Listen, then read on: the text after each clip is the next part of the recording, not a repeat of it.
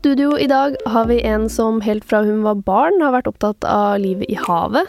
En interesse hun holdt på gjennom voksenlivet og karrieren. Etter å ha klatret seg til topps i WWF Verdens naturfond, så ble hun lokket over i en annen sjefsstilling av Kjell Inge Røkke. Velkommen til en ny episode av Voksenpoeng med meg, journalist Nora Rydne i E24. Og velkommen i studio, Nina Jensen, administrerende direktør i Brev Ocean. Tusen takk for det.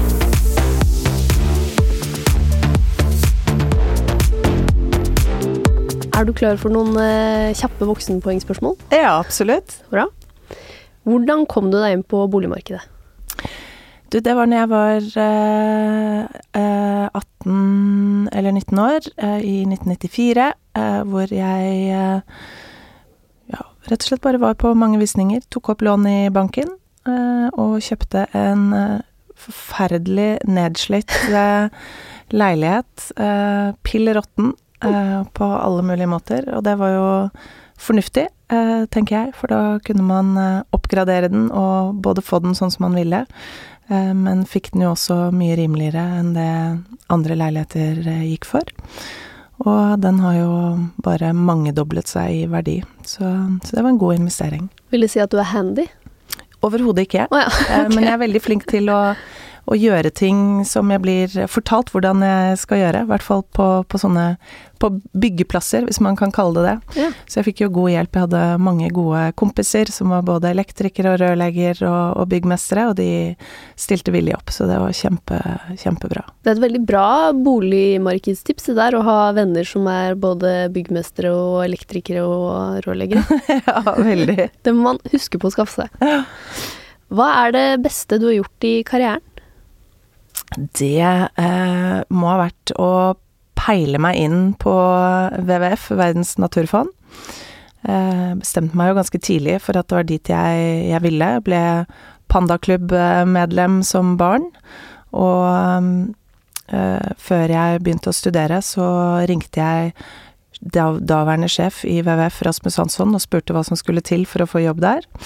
Og jeg eh, begynte som frivillig i organisasjonen. Så jeg jobbet som frivillig i tre år eh, ved siden av fulltidsstudier og fulltidsjobb. Eh, og det, det å jobbe som frivillig et sted, hvis du vet hvor du vil inn, er veldig fornuftig, for da både blir du kjent med menneskene som jobber der, med organisasjonen, både måter å jobbe på, mål osv., og, så og du er selvfølgelig tett på når stillinger skal lyses ut, og det hjalp jo. Mm. Mm. Hva er det beste du har investert penger i?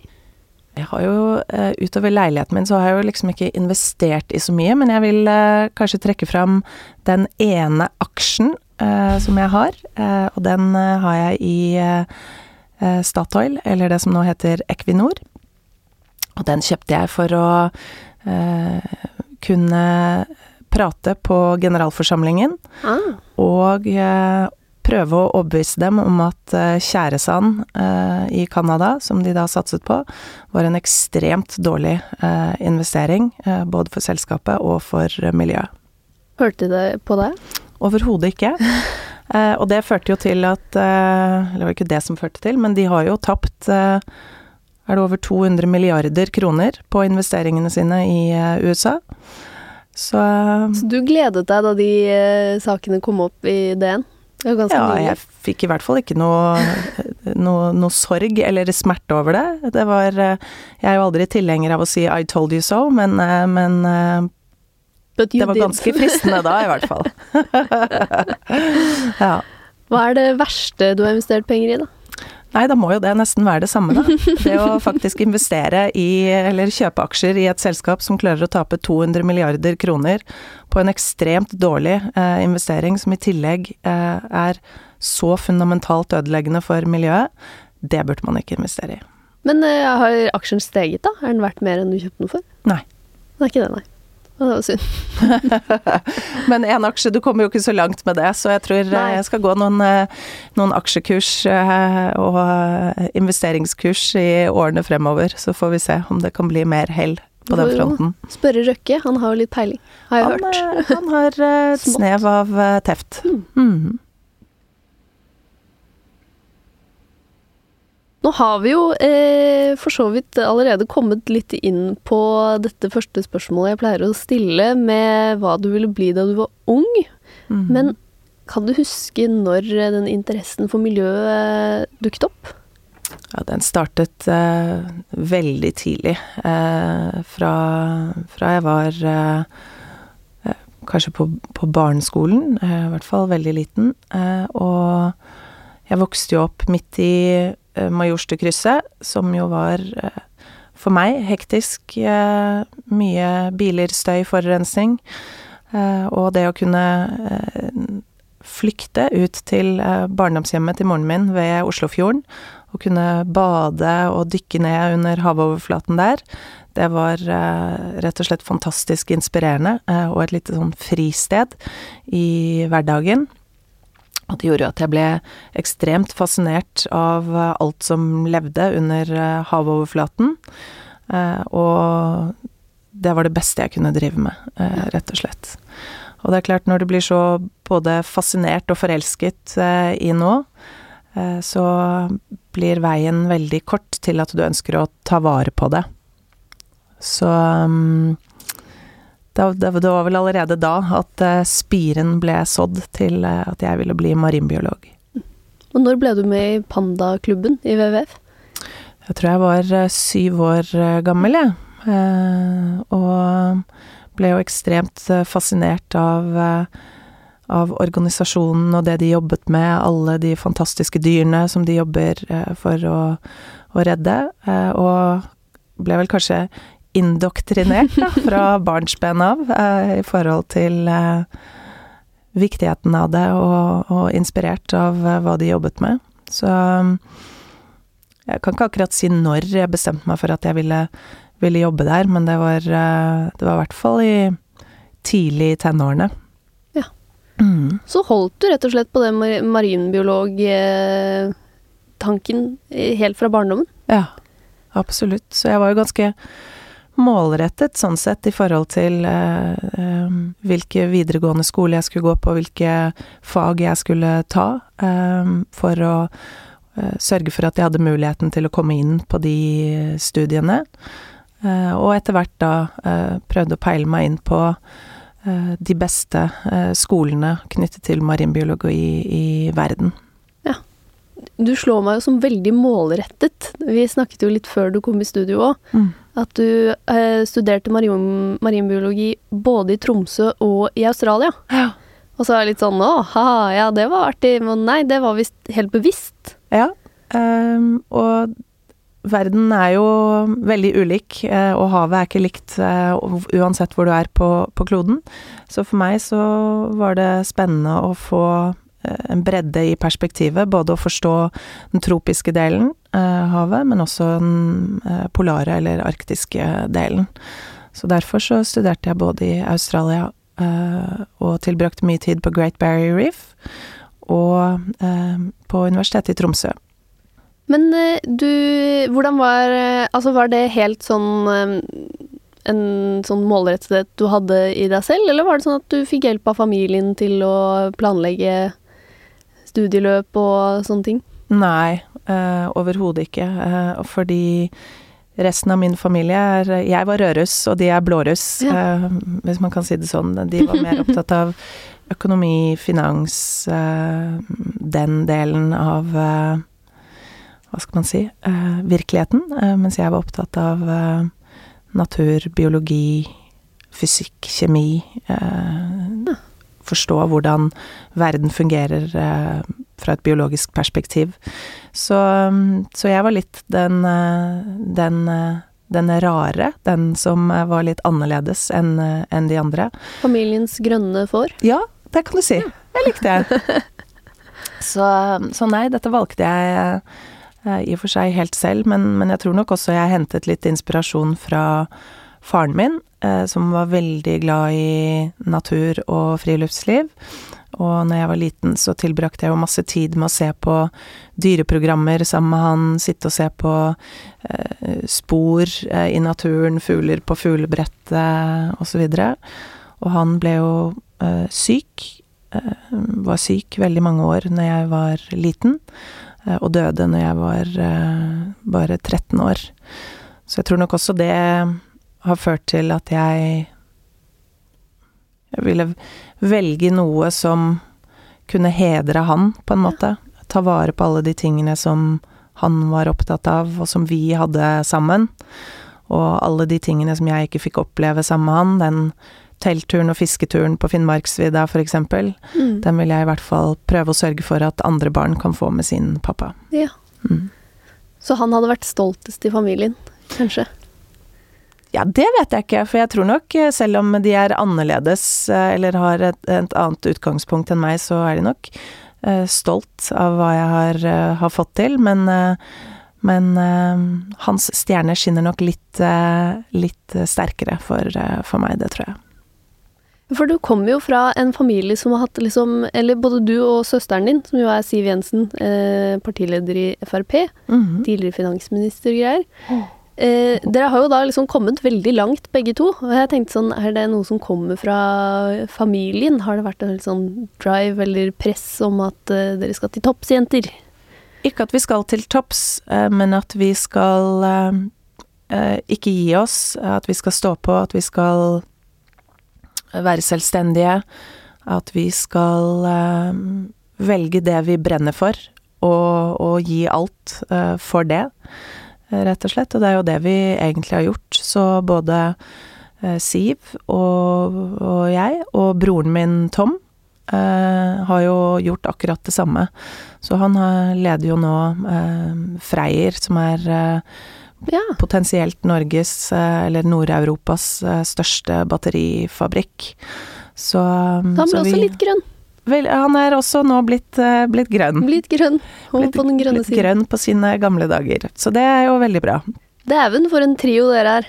Ja, nei, er en, eh, vi er en spennende gjeng. Uh, utvilsomt og veldig Vi har veldig tett samhold. Uh, veldig fin familie, vil jeg si. Tilbringer masse tid sammen og utveksler tanker og erfaringer og løser eh, verdensproblemer eh, sammen, for å si det sånn. Så det er, eh, det er, stas. Ja, det må være en fordel det, at alle er like interesserte i, ja, i ledelse og, og jobbe, da. De, mm. Dere har jo utvilsomt alle sammen jobbet veldig mye. ja. Nei da, det er klart det, det, hjelper, og det gjør jo også at når man da har fritid og får mulighet til å tilbringe tid sammen, så er man veldig takknemlig og, og glad for det òg. Så skal jeg jo legge til at eh, det er ikke, det er ikke bare rosenrødt. Eh, det er eh, tidvis betydelig uenighet, og vi har jo ganske ulikt politisk ståsted alle tre, vil jeg si. Men det klarer vi fint å legge til side når vi er sammen og respektere hverandre for at man har ulikt ståsted, da, som jeg tror er veldig viktig. Mm. Men du har jo altså da vært ekstremt målretta, og du fant ut at du ville jobbe i WWF. Når slo den tanken deg? Nei, det må ha vært tidlig i, uh, i tenårene. Jeg begynte å jobbe i reklamebransjen når jeg gikk på videregående, når jeg var ca. 15 år.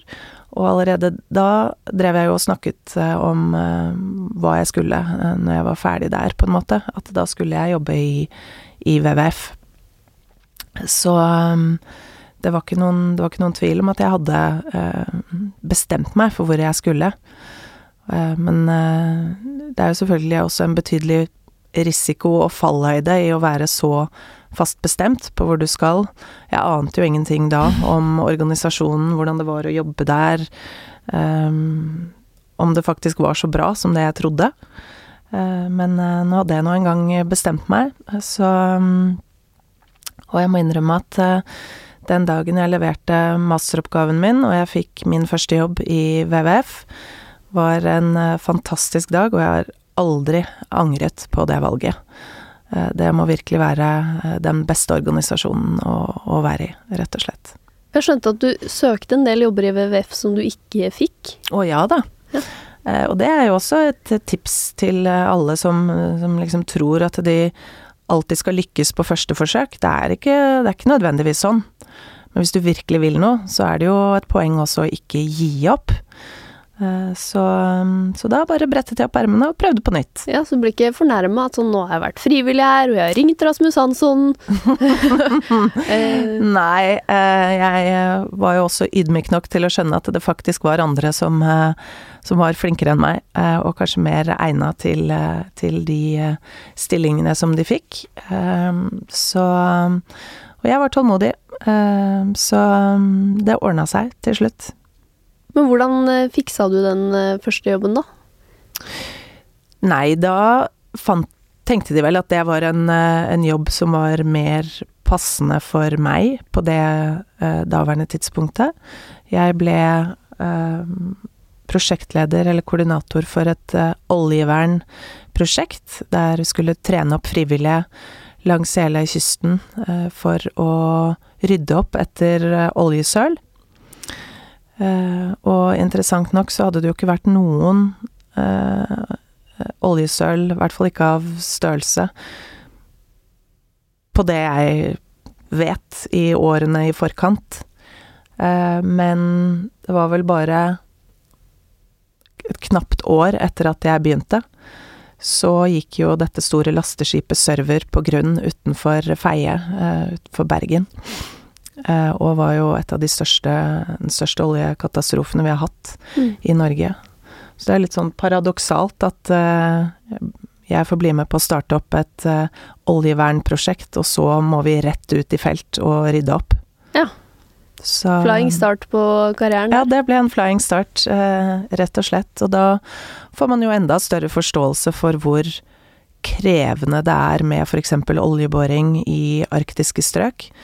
Eh, skulle det skje et uhell der, så har man ikke nubbsjans til å få ryddet det opp. Mm. Finnes ingen teknologier eller teknikker for å rydde opp olje i is.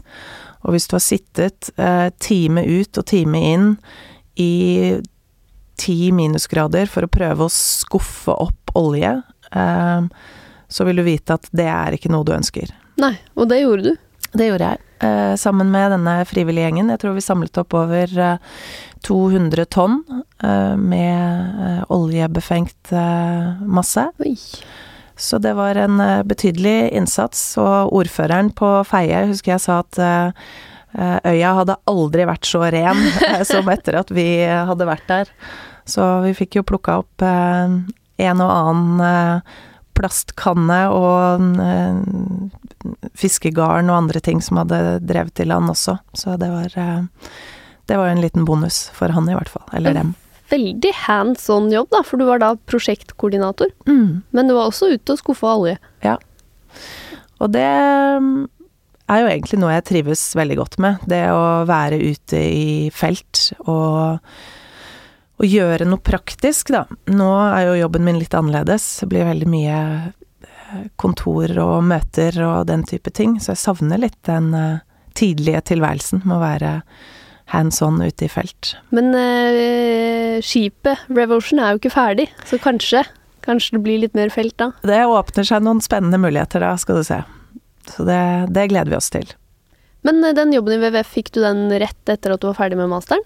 Samme dag som jeg leverte masteroppgaven min, så Det ble litt av en feiring? Det ble en kjempefeiring, eh, og det var jo en eh, fantastisk telefon å få, eh, selvfølgelig, når du endelig kan trekke pusten og du er ferdig med, med masteroppgaven, og så får du jobb samme dag. Det var utrolig flaks og um, veldig, veldig bra.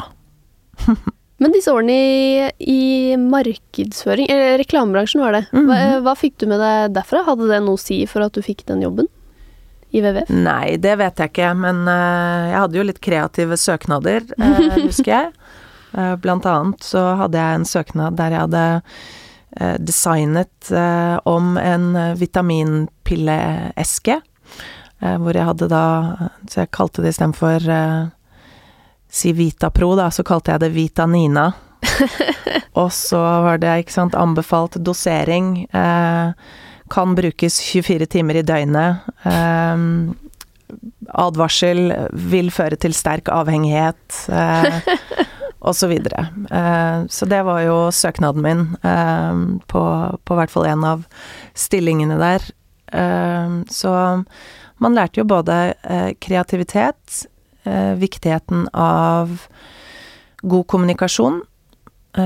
Å selge et budskap. Snakke til folk der det treffer dem. Og det har vært utrolig verdifull erfaring og kunnskap å ta med meg inn i egentlig alle de jobbene jeg har hatt. Men også eh, privat, egentlig. Mm. Det å forstå hvor viktig kommunikasjon er i mellommenneskelige relasjoner, eh, på arbeidsplassen, for å få til resultater. Det er egentlig ingenting som er viktigere. Mm. Men eh, Fikk du noen tilbakemeldinger på Vitanina-søknaden? Ja, den uh, var jo nesten så den ble rammet inn og satt på liksom pidestall inne på kontoret der, for jeg tror ikke de hadde fått en så kreativ eh, søknad eh, tidligere.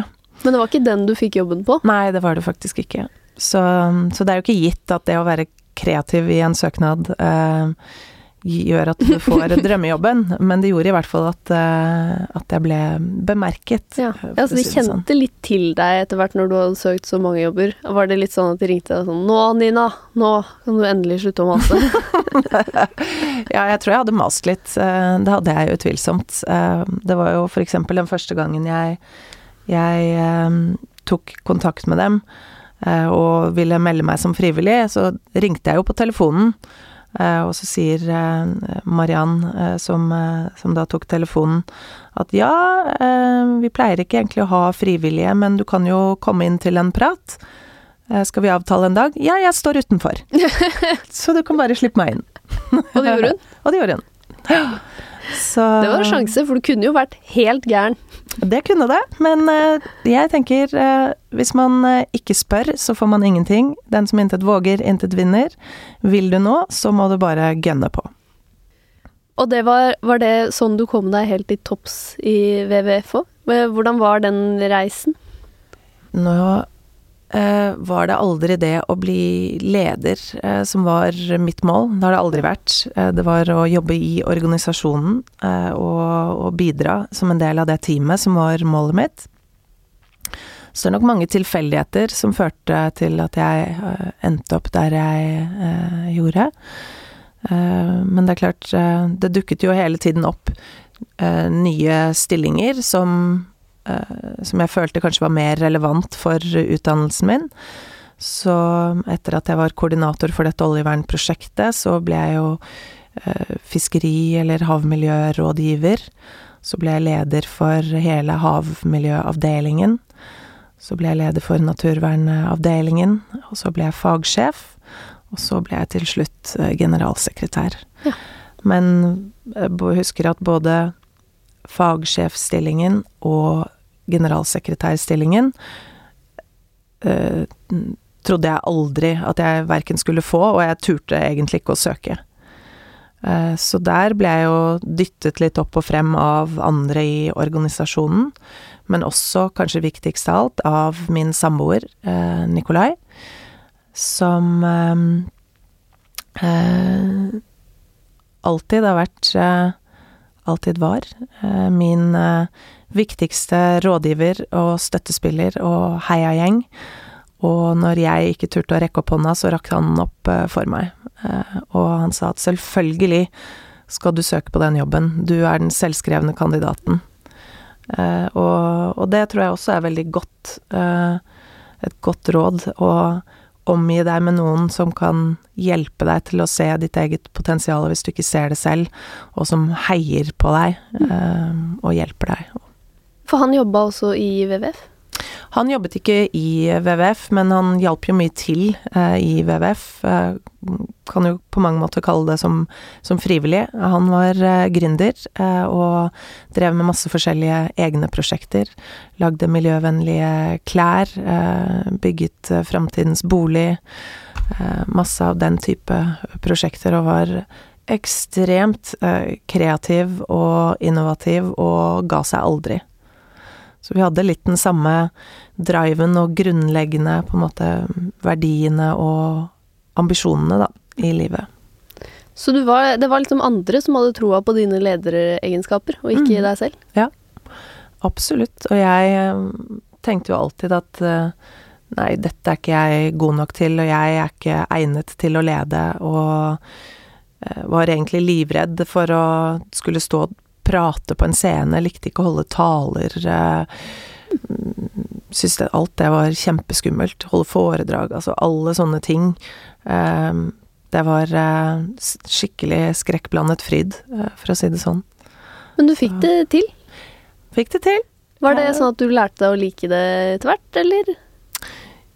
Ja, eh, jeg tror nok både den eh, oljevernjobben eh, gjorde meg litt rustet for det, for da hadde jeg jo egentlig ikke noe valg. Da satt jeg jo ute i felt og, og ryddet opp oljesøl, og da, da, var jeg jo en naturlig person for media å snakke med, f.eks., og da føltes det også mer komfortabelt og naturlig, fordi at man liksom bare satt og satt jo bare og holdt på med noe.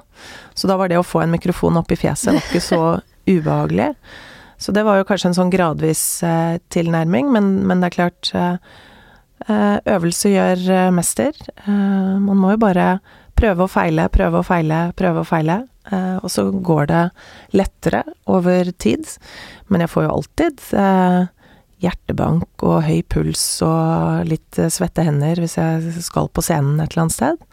Jeg syns alltid det er ja, skrekkblandet fryd, rett og slett. Men men eh, det, det, går enklere nå. Det gjør det. Men hva, hva oppdaget du at var styrken din som leder, da?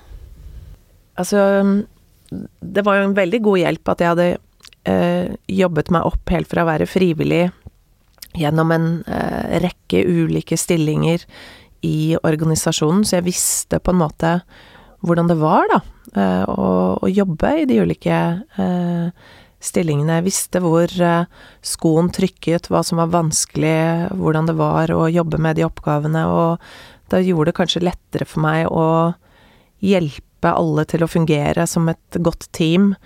Eh, bli flinkere til å se hva er det folk er gode på, dårlige på, utnytte eh, deres styrker og på en måte tilpasse det i forhold til det.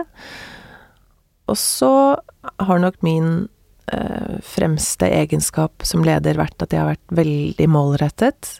Eh, og bevisst på å gjøre de tingene som tar oss til målet. Og at jeg har hatt en eh, kanskje litt naiv tro på at alt er mulig. Mm. Og en optimisme som jo kanskje smitter litt eh, til tider nedover i organisasjonen. Og det tror jeg var en veldig god hjelp, særlig når du jobber med miljøsaker, hvor det tidvis kan virke veldig dystert og mørkt, og at alle piler peker i feil retning. Det å da klare å holde på positivitet og optimisme, og at dette skal vi få til, det har nok vært en av mine styrker. Kanskje også tidvis svakheter, men, men absolutt uh, styrker som, uh, som leder. Ja, Så du aldri trengt å være sånn påtatt bli leder? Nei. Det er jo deilig. Ja, det, det, er deilig, men jeg skal jo innrømme at uh, jeg er jo også som en, en, uh, en åpen bok, så jeg ville ikke kunne spille blid hvis jeg ikke var det. Jeg har alltid vært åpen og ærlig. Er jeg trist, eller er jeg sint, altså gir jeg uttrykk for det. Um, og det er jo kanskje en av de tingene jeg har måttet jobbe mest med uh, som, uh, som, leder. Det er å prøve å utvikle litt uh, pokerfjes, og ikke alltid hvis jeg var frustrert over at folk hadde gjort noe feil, eller ikke på den, det kvalitetsnivået som jeg ville ha det på, eller ikke leverte i henhold til en tidsfrist. Altså ting som gjorde at vi ikke kom oss til det målet vi skulle, da. Så kunne jeg jo bli ganske rasende, egentlig. Ja, så, så måtte... det å tøyle det og være mer diplomatisk som leder, det har jeg måttet jobbe mye med. Har du blitt eh, flink til det, eller kan du fortsatt eh, slå i bordet og være sinna? Jeg, jeg, slår vel ikke i bordet, men, men jeg, eh, jeg, kan fortsatt bli øh, synlig irritert. Mm. Ja. Uh, men, men jeg er blitt mye, mye flinkere til å prøve å være mer diplomatisk, da. Uh, og si at dette var kanskje ikke helt optimalt. Eh, vi hadde vel egentlig en avtale om at ting skulle være sånn. Eh, så skjønner jeg at det ikke skjedde. Jeg foreslår at vi gjør sånn neste gang, eller videre. Så det er eh, Man lærer mye om, om seg selv, og om andre mennesker i og for seg, når man er leder. Så var du jo da altså generalsekretær i WWF ganske lenge, mange år. Mm. Endelig ja, kapret drømmejobben i drømmeorganisasjonen. Og så Mm. var det likevel mulig å lokke deg over i Rev Ocean, som da altså er Kjell Inge Røkkes eh, forskningsskip, mm. som er under bygging. Ja. Eh, hvordan skjedde det? Nei, det er jo i og for seg ganske fascinerende, for jeg trodde jo aldri at jeg skulle forlate eh, WWF eh, som organisasjon. Eh, og når eh, folk spurte meg hva skal du gjøre når du ikke lenger jobber i WWF, så kunne jeg nesten få sånn panikkangst. For det var helt utenkelig for meg å skulle jobbe noe annet sted. Eh, jeg hadde jo fått eh, andre henvendelser og, og jobbtilbud, og det var jo um, alltid å, å takke blankt nei. Det var utenkelig for meg å skulle være noe annet sted. Og eh, også når eh, Kjell Inge Røkke tok kontakt med meg, så var det også min umiddelbare respons. Fantastisk spennende prosjekt, men jeg kommer aldri til å jobbe for deg. eh, Fikk du en direkte henvendelse fra Røkke? Ja. Hvordan foregår det egentlig? Eh, ringer han? Ja rett og slett. Eh, hva, og det, uten noe forvarsel? Det er ikke noe SMS? Det er bare 'hei, det er Kjell Inge Røkke'? Ja.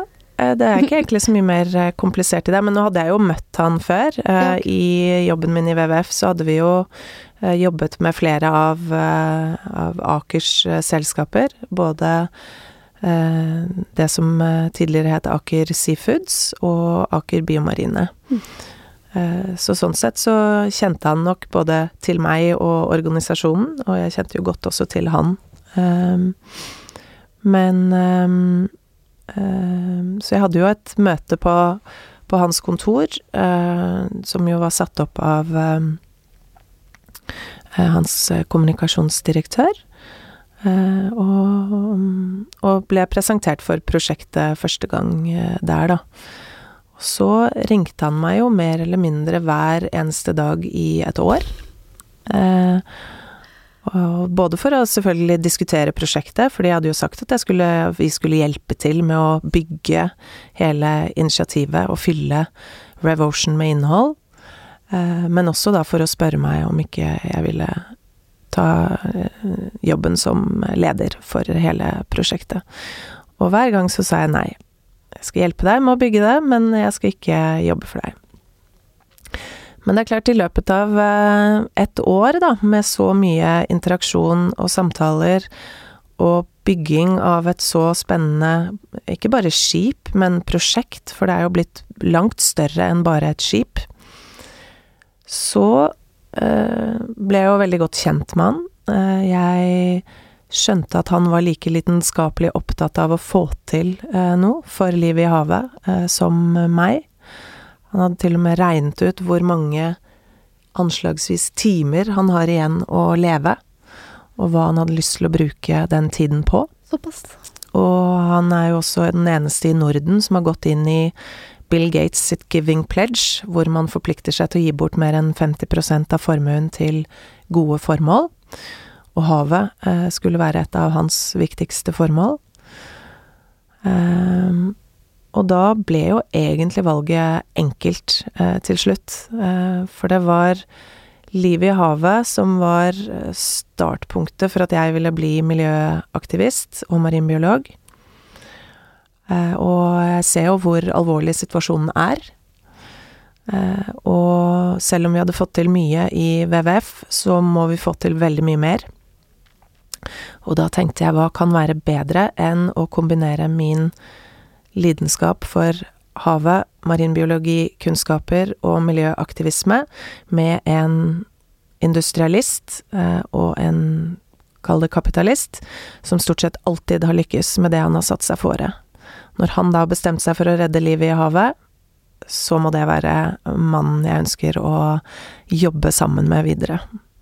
Tenkte du også da at denne mannen kan jeg snu og få ham til å bygge ned Aker eh, BP? Nei. Nei. Det Så du maser ikke på ham ikke. om olje? Å jo da. Ok. Dette Har du kjøpt hatt, eh, én aksje i Aker BP for å mase på dem? Nei, eh, det har jeg ikke. Eh, men eh, eh, vi har jo mange og lange samtaler eh, om dette. Og et av kravene jeg stilte når jeg skulle ta jobben, det var jo at det ikke skulle bygges ut eh, eh, oljevirksomhet i eh, spesielt sårbare områder. Og da eh, særlig Lofoten, Vesterålen og Senja, som jeg jo hadde kjempet for i hele min karriere i WWF for å holde oljefritt. Og det fikk jeg en garanti for. Blir søsteren din sur når du greier å bruke nettverket ditt så bra?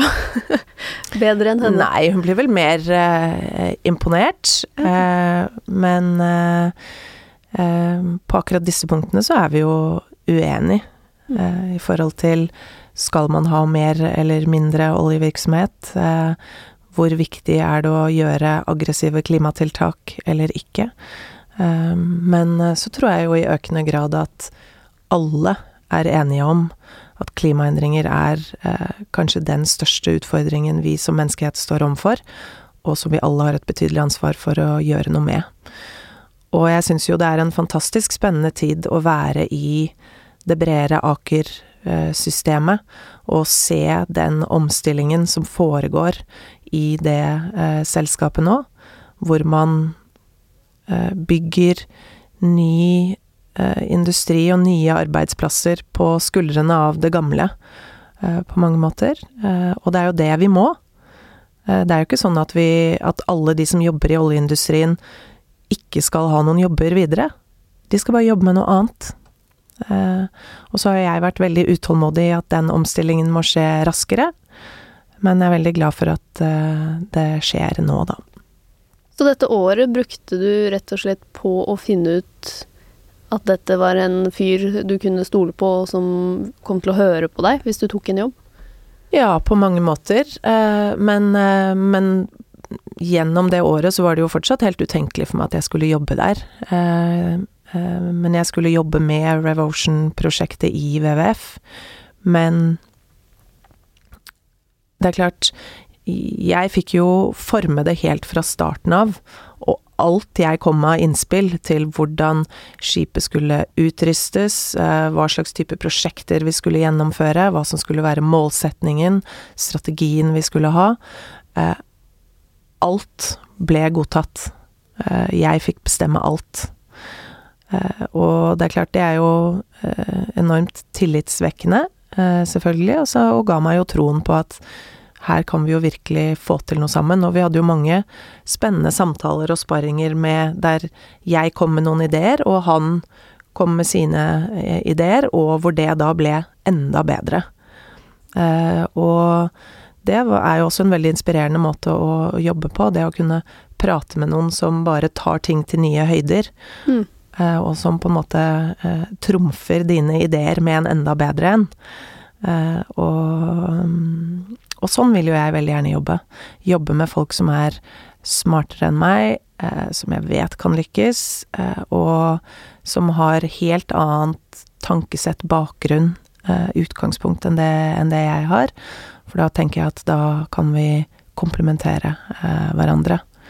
Men eh, den som til syvende og sist skal ha æren for at jeg tok jobben, det er igjen eh, min samboer, uh, Nikolai, som uh, Han gikk vel så langt i å si at Nina, hvis du ikke tar denne jobben, så kommer jeg til å gå fra deg. Oi, Dette der, er den mest spennende og viktigste muligheten du noensinne kommer til å få.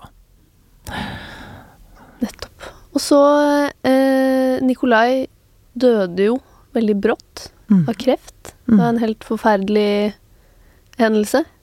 Og da var jo du begynt i Revotion som toppleder. Mm. Hvordan Du har jo vært veldig åpen om eh, det tapet, men hvordan var det å være toppleder i en helt sånn uvirkelig situasjon? Med et lite barn hjemme òg? Mm.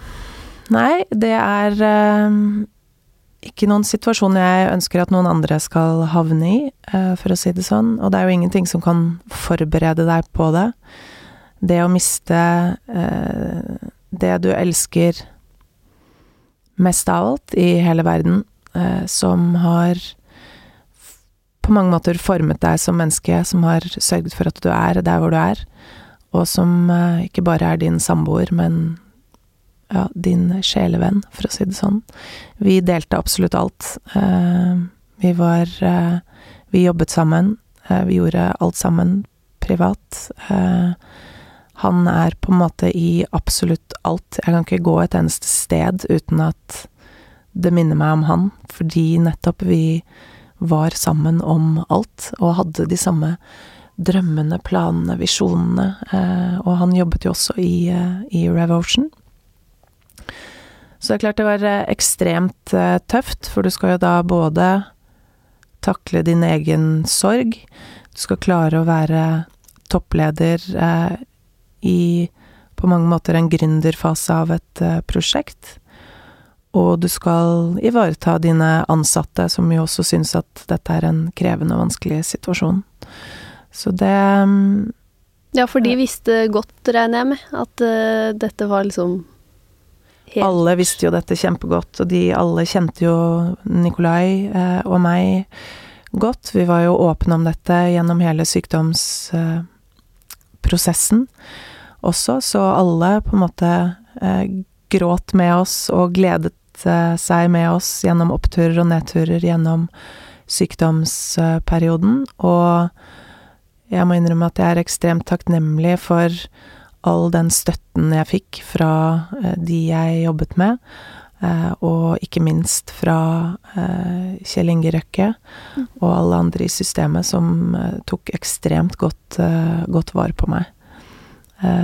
Og det å få såpass stor fleksibilitet i en så vanskelig situasjon er jo veldig, veldig viktig. Fordi du aner ikke om du klarer å komme deg ut av senga eller ikke neste dag. Nei, så det ble sånn at du kunne si at nå kommer jeg meg ikke ut av senga? Ja. Du ble ikke sykemeldt eller var ute en stund? Nei, men jeg tok ut permisjon de siste uh, ukene, eller månedene, før uh, Nikolai døde. For da var han jo hjemme sammen med meg, og jeg ville ta vare på han. Og jeg, som en naiv, evig optimist, så nektet jeg å akseptere at han skulle dø. Uh, vi hadde hele tiden bestemt oss for at uh, denne kampen skulle vi i hvert fall vinne. Og det var helt utenkelig at han skulle dø, og derfor valgte jeg også å være hjemme med han, eh, og gjøre alt jeg kunne for at han skulle bli frisk. Eh, og jeg var livredd for at han skulle komme inn på sykehus eller på eh, hospice. Mm. For da tenkte jeg at da kommer han aldri ut igjen. Og sånn ble det jo. Ja. Så de siste ti dagene, blir det vel, så lå han jo på, på Bærum sykehus og Stabekk hospice. Så, men, eh, men som jeg sa, altså Det er krevende å, å være eh, toppleder. Eh, det er krevende å være, være en vanlig person mm. i en sånn situasjon. Um, men jeg var jo såpass heldig at jeg hadde et ekstremt godt nettverk rundt meg, både av kolleger og familie og den fleksibiliteten at jeg eh, Dersom jeg ikke kom på jobb, så visste jeg at det var noen andre som tok over eh, oppgavene. Eh, men faktisk så var det jo sånn at det å gå på jobb var litt redningen for meg, rett og slett. Ja, ok. Fordi jeg har alltid vært Det er det som har vært Målet mitt hele veien har vært å litt flåste redde livet i havet. Mm. Og det å da faktisk kunne eh, bruke eh, energien min og, og, fokusere tankene mine over på noe annet, og kunne bruke tiden på å gjøre det, eh, gjorde at jeg faktisk klarte å komme meg ut av senga. Hvis ikke så hadde jeg ligget i Tror jeg hadde ligget i fosterstilling ennå. Ja.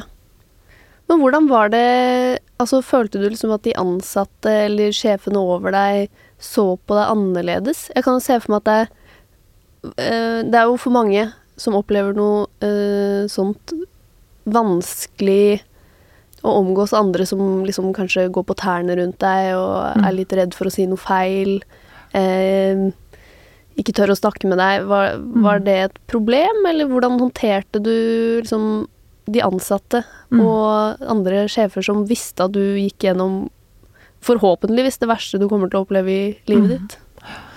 Nei, eh, jeg opplevde ikke det som vanskelig i det hele tatt, faktisk. Eh, og jeg tror grunnen til det var at vi hadde vært så åpne og ærlige om det hele veien. Eh, vi hadde hatt mange samtaler, eh, alle visste hva vi følte, hva vi tenkte, eh, hvordan situasjonen var. Og det gjør jo at man ikke nødvendigvis trenger å gå på tærne rundt, da. Fordi man er blitt litt forberedt eh, på det. Eh, Jeg tror nok det er mye vanskeligere for de som ikke deler eh, sorgen sin eller de vanskelige tingene man står i. Da er risikoen mye større, tror jeg, for at man kan oppleve at folk tråkker feil, eller at de ikke tør å prate med deg, fordi de har garantert fått det med seg, selv om du ikke sier det eller velger å være åpen om det. Mm. Og da er det vanskelig for folk rundt å vite hvordan de skal forholde seg til deg, fordi når du ikke deler det åpent, så tør de kanskje ikke å prate til deg. Men fordi jeg hadde valgt å være, eller vi hadde valgt å være 100 åpne, eh, og turt å sitte og gråte i kontorlandskapet, og grått sammen med mange av de ansatte, eh, så ble det enklere, tror jeg. Både for meg og for oss, og for, eh, for de ansatte, tror jeg. Høres ut som et veldig fint arbeidsmiljø. Veldig fint. Det må jeg si, altså. Det er, det er en helt fantastisk gjeng. Eh, Veldig ulike bakgrunner, eh, ståsted, eh, utdannelser, eh, tankesett, eh, geografier. Men det er blitt en sånn liten eh, smeltedigel av ulikhet der alle brenner like mye for å få til det vi skal. Tror du det har endret deg noe som leder? Altså, dette er jo ikke lenge siden i det hele tatt, egentlig. Det er jo bare litt over et år siden. Men har du merket noe forandring? Ja, det absolutt. Ehm, jeg er blitt mye mer eh, selektiv med tiden min. Eh, eh, man kan jo fylle mer enn 24 timer i døgnet med møter og konferanser og intervjuer og relevante aktiviteter, for å si det sånn. Men det å bli knallhard på å prioritere hva som er de riktige tingene å, å gjøre, mer enn det å bare gjøre det, uh, har, uh, har jeg blitt mye flinkere på. Og også mye mer selektiv på hvilke mennesker jeg velger å omgi meg med, og som jeg tar meg tid til å, å møte og bruke tid på, rett og slett. Vi har jo en fast eh, spalte her i, Voksenpoeng som heter eh, Tabbespalta. ok. Hva er den største tabben du har gjort i karrieren din?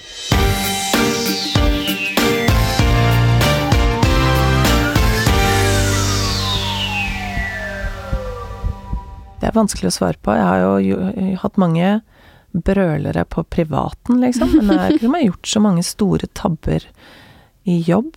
Eh, Det eneste, eller det første jeg tenker på, er jo eh, Når jeg jobbet i WWF, så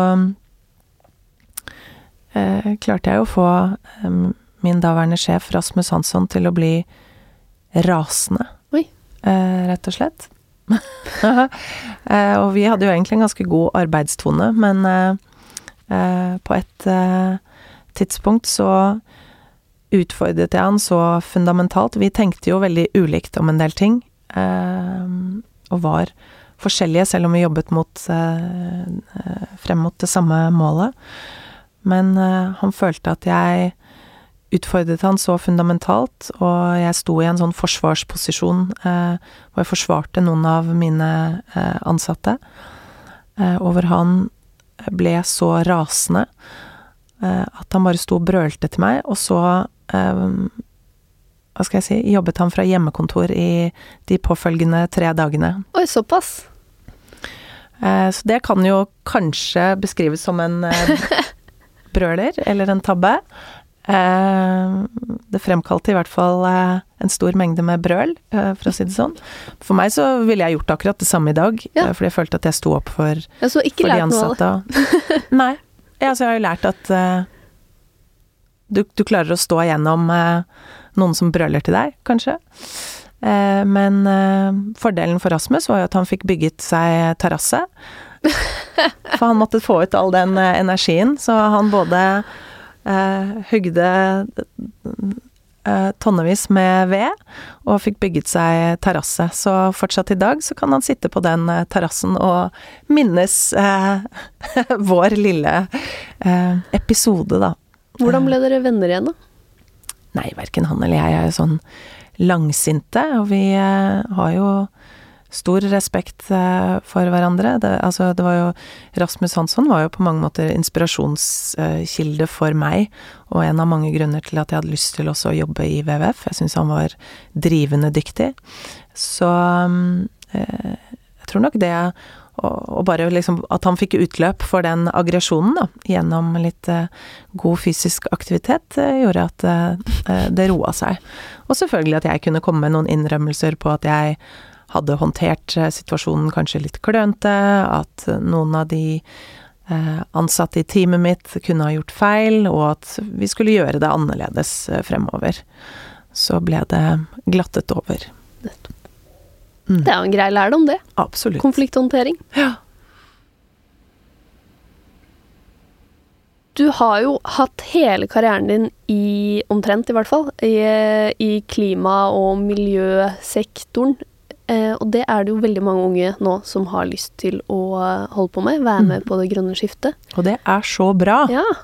Har du noen tips eh, til eh, de som eh, kanskje skal på skolebenken snart, eller som er i gang med studier, eller kanskje til og med er i gang med jobb, om hvordan Altså hva trenger eh, fornybarbransjen, eller de som driver med miljø og klima, mm. hva trenger de nå?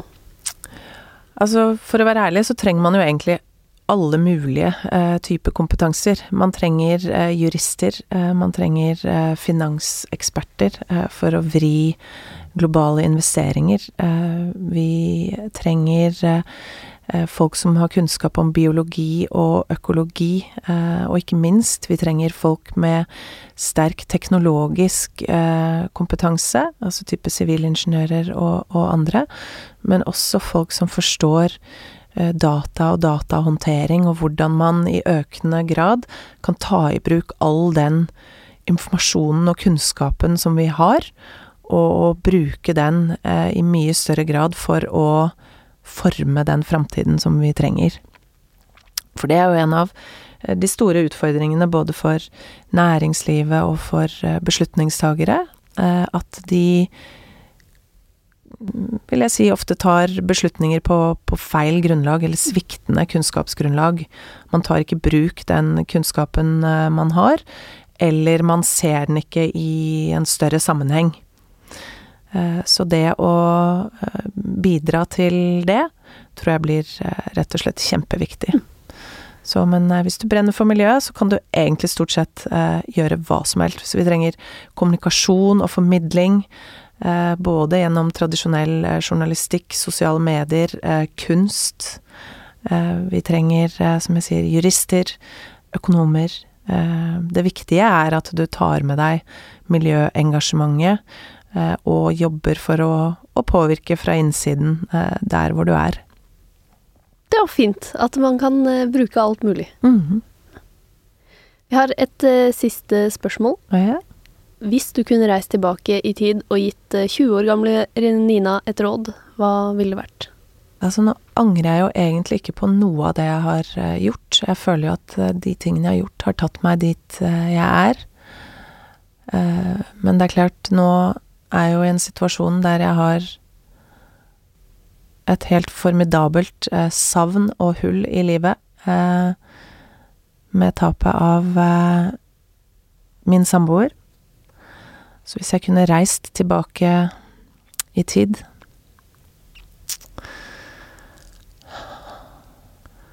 Så ville jeg inspirert meg selv til å bruke den samme målrettheten.